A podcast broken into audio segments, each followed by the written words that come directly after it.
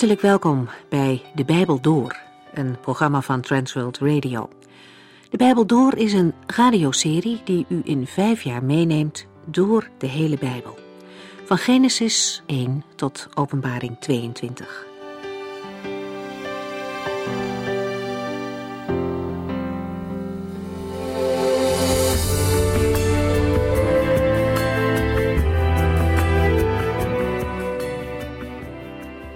Welkom weer.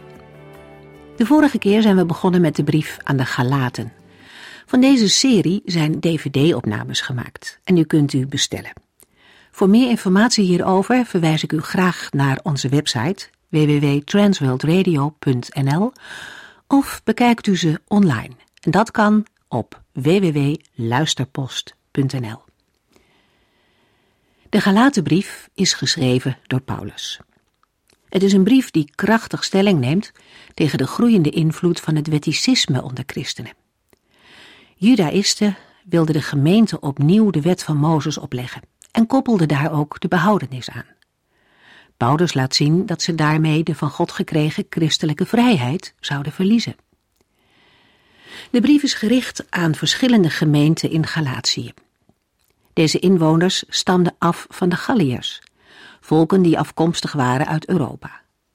Veel van deze stammen waren Kelten. Na allerlei omzwervingen vestigden zij zich omstreeks de derde eeuw voor Christus in Galatië. En er was ook een grote welvarende Joodse kolonie in Galatië. Deze brief begint met de naam van de schrijver, Paulus. In de aanhef maakt hij ook meteen duidelijk dat hij niet vanuit zichzelf spreekt, maar namens God. Hij is een apostel, niet omdat mensen hem hebben uitgekozen, maar God zelf koos hem uit. De God die Jezus Christus weer uit de doden liet opstaan, diezelfde God is het die Paulus heeft geroepen. En dat is het gezag achter deze brief. Het is aan de lezer om daar iets mee te doen. Het hart van Paulus gaat uit naar de gelovigen in Galatië. Hij doet er alle moeite voor om hen opnieuw uit te leggen wat ze gekregen hebben in Jezus Christus. Hun redding en vergeving is een geschenk van God. Goede werken, hoe goed bedoeld ook, kunnen daar nooit iets aan bijdragen. Tegelijkertijd geeft die vrijheid geen aanleiding om erop los te leven. Leven in Gods vrijheid is leven binnen Gods grenzen. En daardoor groeit de vrucht van de geest in christenen.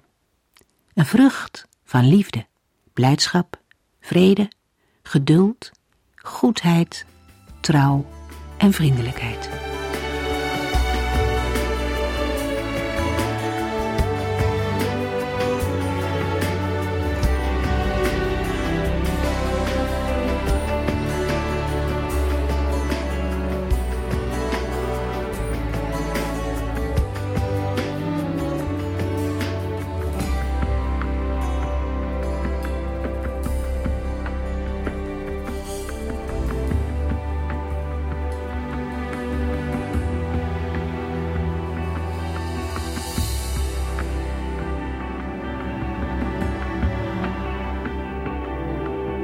Brief van Paulus aan de gemeente in Galatië is Gods reactie op het wetticisme van Joodse christenen, Judaïsten, die beweerden dat, om behouden te worden, een mens zich wel moet houden aan de wetten van Mozes.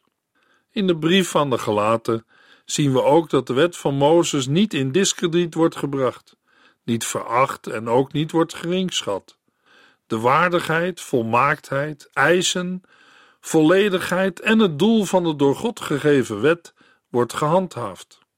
Toch zijn het juist deze kwaliteiten die het voor een mens volslagen onmogelijk maken om via het houden van de wet het met de Heer in orde te maken. Paulus wijst op een andere en betere weg voor de mens om rechtvaardig voor God te worden: de weg van de rechtvaardiging door het geloof in Jezus Christus. Er zijn in het Nieuwe Testament drie Bijbelboeken waarin we een citaat uit Habakkuk 2 vers 4 vinden. In het genoemde Bijbelgedeelte lezen we: Maar de mensen die rechtvaardig zijn, zullen door hun geloof echt leven. We vinden deze aanhaling van Habakkuk 2 vers 4 in Romeinen 1 vers 17. met de nadruk op de rechtvaardigen.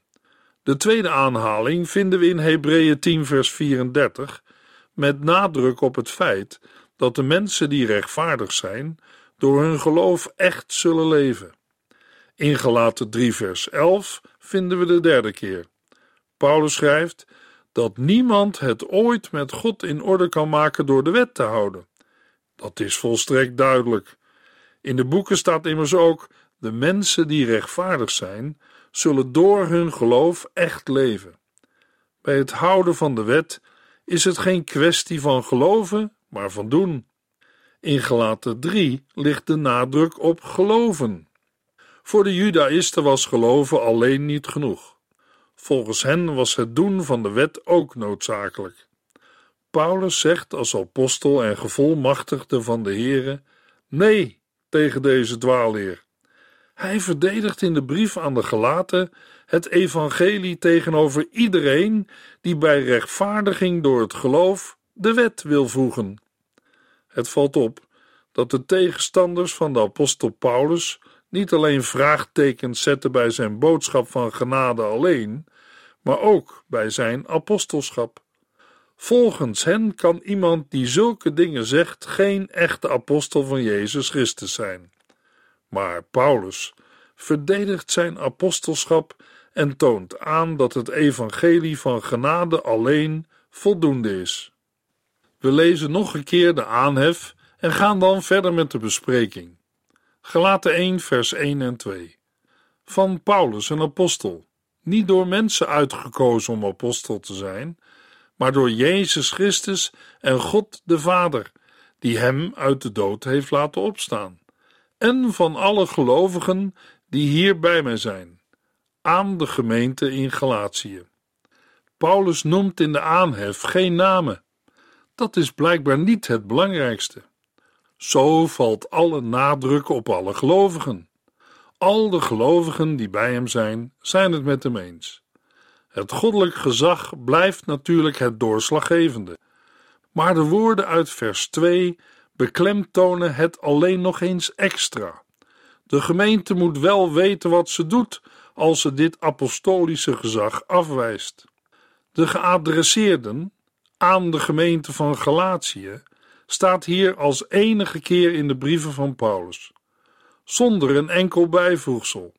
In andere brieven wordt bijvoorbeeld bijgevoegd aan de gemeente van God, of aan de gelovigen in God de Vader en de Heer Jezus Christus, of aan de heiligen in Christus Jezus.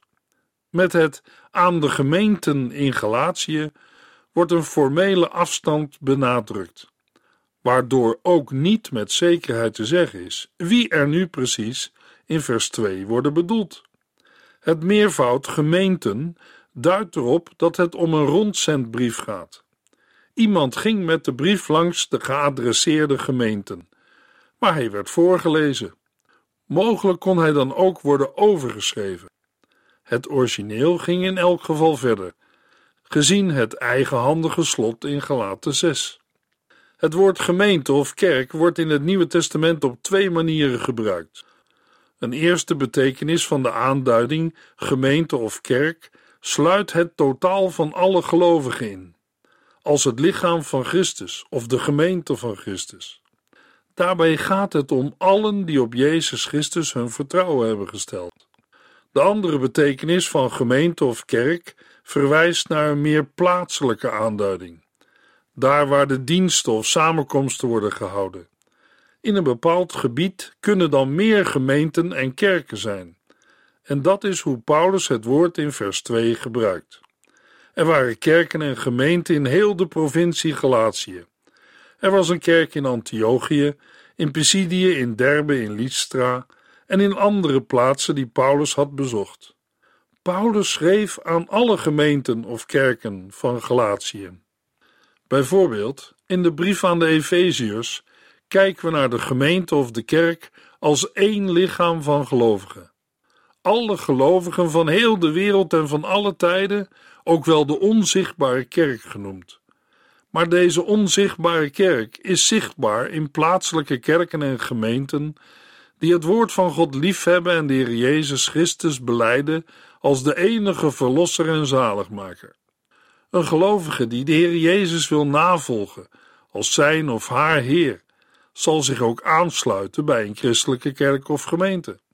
In het Bijbelboek Hebreeën lezen we in hoofdstuk 10, vers 23 tot en met 25: Wij moeten blijven vasthouden aan wat God ons heeft beloofd en andere mensen erover vertellen. Omdat God zich aan zijn woord houdt, zullen wij krijgen wat wij van hem verwachten. Laten wij op elkaar letten en elkaar aansporen God en de mensen lief te hebben en altijd goed te doen. Wij moeten ook niet uit onze samenkomsten wegblijven. Sommigen maken daar een gewoonte van, maar dat is niet goed. Wij moeten elkaar bemoedigen en waarschuwen, vooral nu wij zien dat het niet lang meer zal duren voor de Heer Jezus terugkomt. Gelaten 1 vers 3 Ik wens u de genade en vrede van God, onze Vader, en van onze Heer Jezus Christus. Ik wens u de genade en vrede van God, is een gebruikelijke groet van de apostel Paulus. Boven een Griekse brief stond meestal genade. De Joodse groet was shalom, wat vrede betekent. Mogelijk was genade zij u en vrede bij bepaalde Grieks sprekende Joden een vrij algemeen gebruikte groet. Toch hebben deze woorden bij Paulus een veel diepere betekenis. Gods genade is nodig om het heil tot stand te brengen. Zelfs onze beste prestaties zullen dit niet kunnen verdienen. God moet het geven, volkomen gratis, als een onverdiende gunst. Deze beide gaven, genade en vrede, komen zowel van God de Vader als van de Heer Jezus Christus. Paulus gebruikt deze uitdrukking vaker, bijvoorbeeld de genade van God in Galaten 2 vers 21, de vrede van God in Filippenzen 4 vers 7 en Colossense 3 vers 15. Galaten 1 vers 4 en 5. Christus heeft zichzelf voor onze zonde aan de dood overgegeven, om ons te bevrijden uit de macht van deze door het kwaad beheerste wereld. Daarmee deed hij de wil van God, onze Vader, aan wie alle eer toekomt, voor altijd en eeuwig. Amen. Wat een fantastische verse. Daarover kan een mens maar een beetje stamelen. Wie zou tot zo'n hoogte van de liefde van Christus kunnen stijgen en de diepte, hoogte, breedte en lengte kunnen peilen van wat hier wordt gezegd? Met deze versen wordt de hele nieuwtestamentische boodschap van het heil in Christus kort samengevat. Mogelijk gebruikt Paulus hier een voor hem bekende formulering. Christus heeft zichzelf overgegeven, duidt op het lijden en sterven van Jezus Christus, zoals de apostel ook op andere plaatsen aangeeft. De Heer Jezus zegt het ook zelf bij de instelling van het heilige avondmaal in Lucas 22, vers 19. Het is de basis van het heil, van de redding en verlossing, waarin de gemeente van Christus mag leven. De woorden Christus heeft zichzelf voor onze zonden overgegeven, geven aan dat onze zonden zo compleet de band met de Heer hebben verbroken, dat het offer van Christus nodig was en is om de band met de Heer te herstellen. Enerzijds zit in het voor onze zonde een terugzien. Vanwege onze zonde was zijn offer noodzakelijk. Anderzijds wijst het ook naar het doel van zijn offer. Het is ter verzoening van, om ons te bevrijden uit de macht van deze door het kwaad beheerste wereld.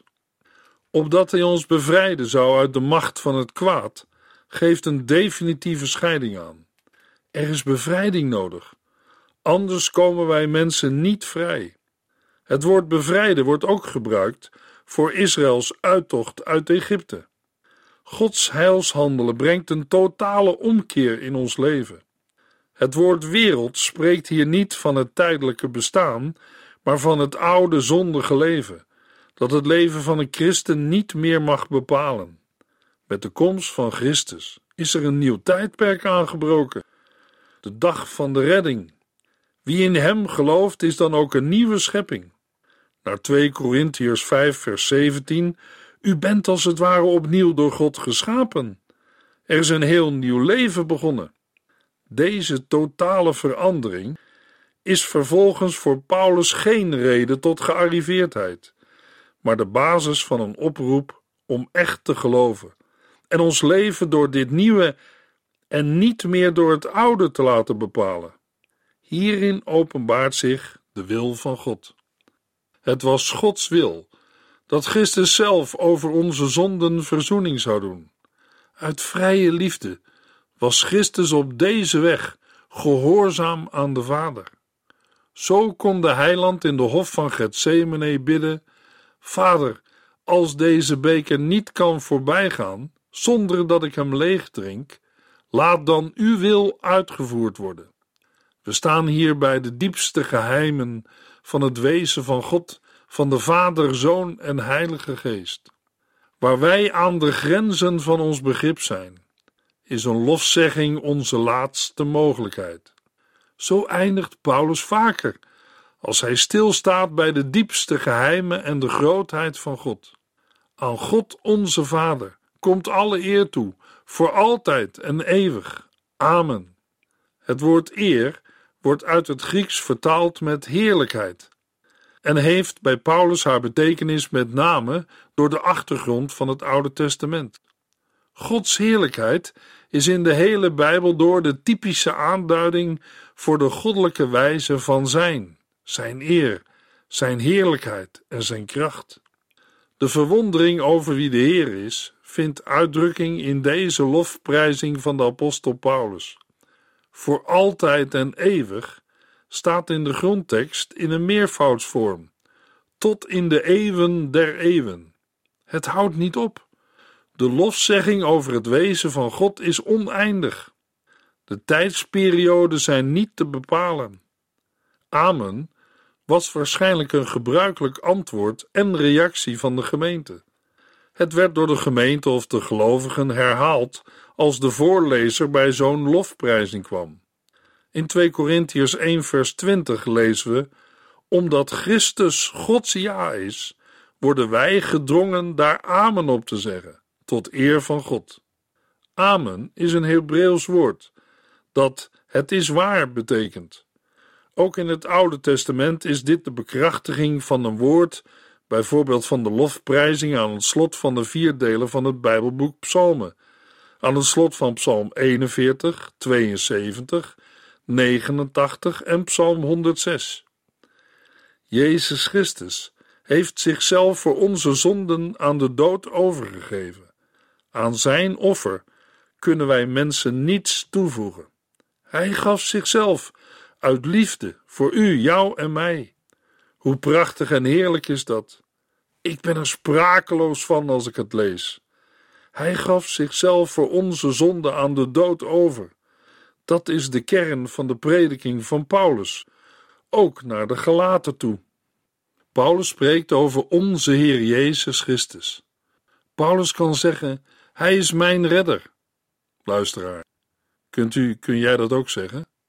Het is één ding om te zeggen dat Jezus een verlosser of redder is, maar het is iets anders om het bezittelijk te maken.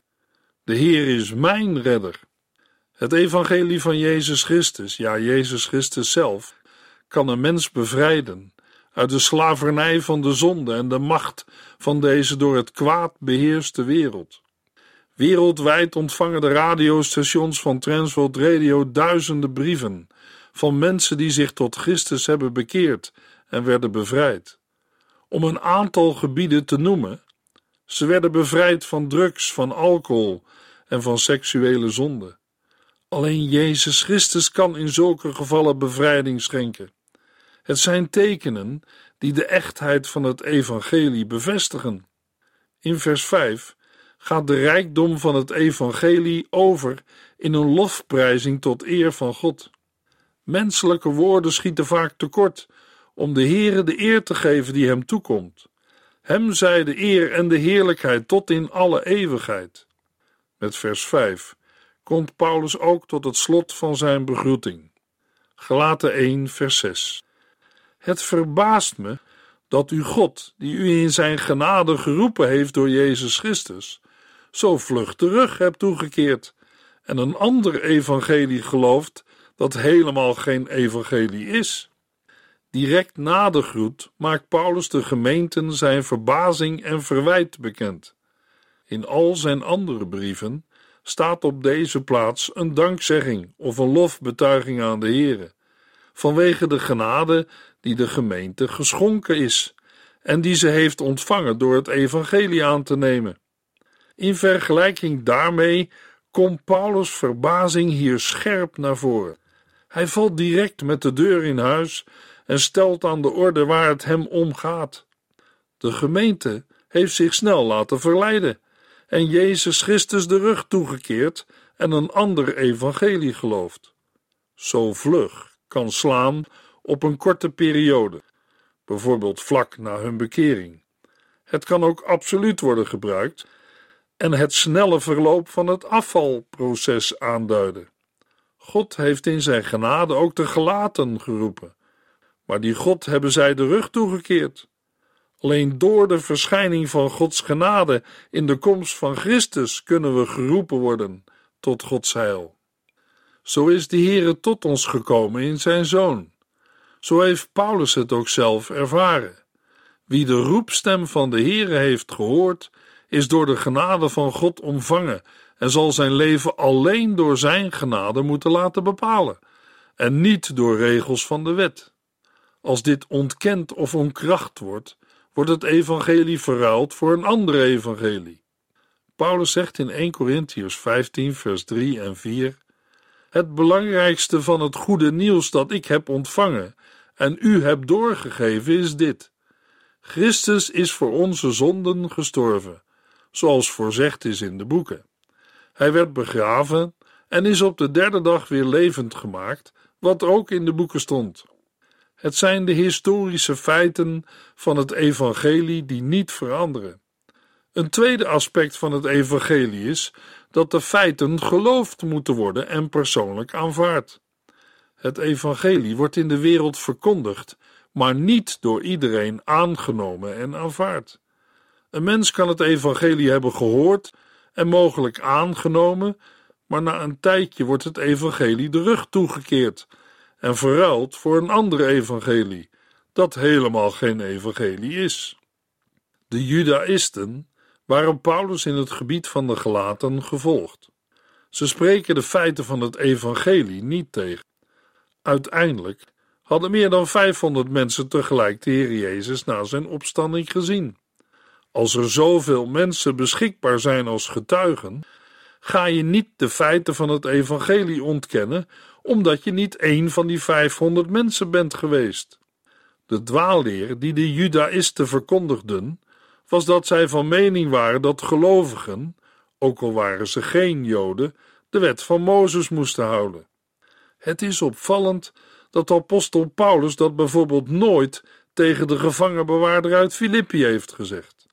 In Handelingen 16, vers 31 hebben we gelezen: Geloof in de Heer Jezus, dan zult u gered worden en al uw huisgenoten ook. De apostel Petrus zei tegen het Sanhedrin in Handelingen 4, vers 12: Er is bij niemand anders redding te vinden. Hij is de enige door wie de mensen gered kunnen worden. Christus gaf zijn volgelingen de opdracht het evangelie van genade te prediken. Een mens kan niets doen om zijn of haar redding te verwerven. Een mens moet op Christus vertrouwen en wat Hij voor ons mensen heeft gedaan. Het evangelie sluit eigen werk uit. Gelaten 1 vers 7 U bent van de wijs gebracht door bepaalde personen die een verkeerd beeld van Christus geven. Waar de kern van het evangelie, de genade van Christus weg is, blijft er niets van het evangelie over. Het evangelie wordt dan, in plaats van een boodschap van bevrijding, zoals Jezaja het al had verkondigd, tot een boodschap van slaafse wetten. Zij die zo strikt de regels van het Oude Testament willen houden, geven een verkeerd beeld van Christus. Gelaten 1 vers 8 Als iemand iets anders verkondigt dan het goede nieuws dat u van mij gehoord hebt, moet u hem uit de weg gaan als een vervloekte zelfs al zou ik het zijn of een engel uit de hemel. Het evangelie zelf is de enige norm. Paulus stelt zichzelf onder dit gezag. Het gaat niet om hem persoonlijk.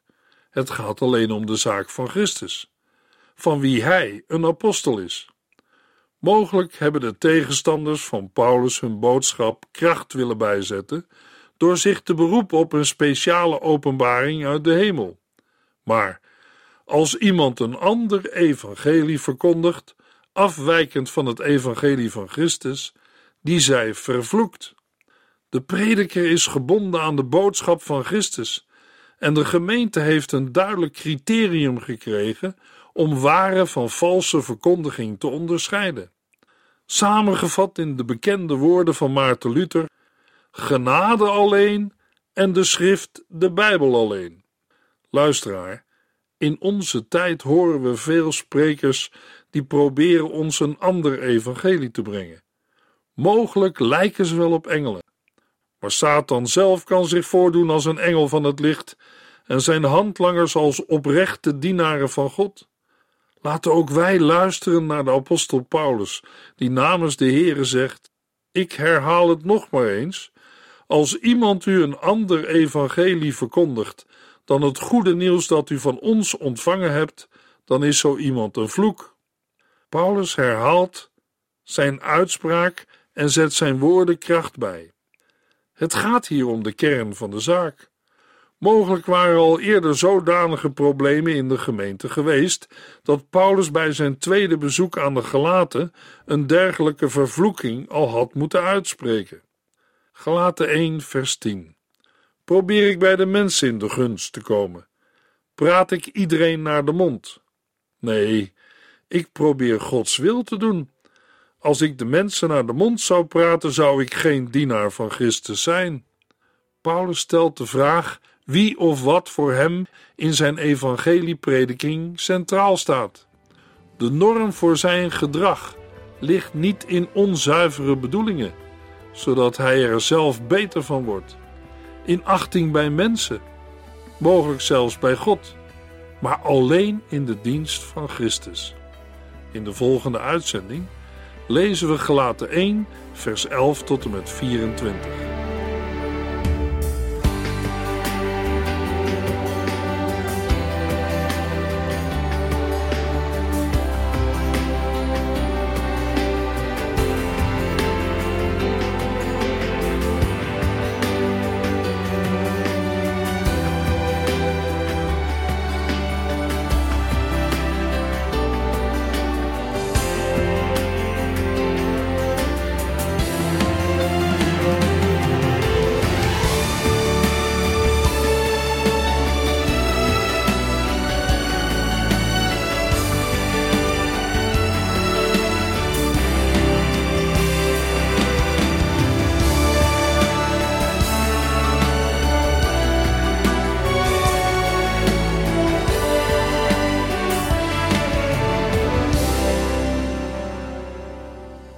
Geluisterd naar De Bijbel Door. In het Nederlands vertaald en bewerkt door Transworld Radio.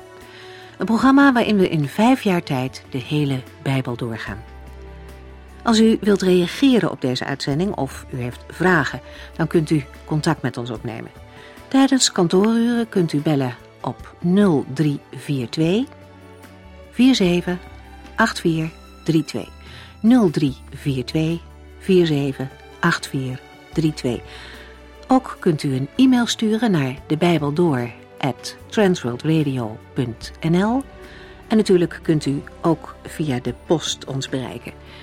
TWR, postbus 371, postcode 3770, AJ in Barneveld. Dit programma werd gepresenteerd door Cor Weda en Ike André. Techniek was in handen van Odin van Woerdekom. En wij allemaal bedanken u voor het luisteren. Graag tot de volgende keer.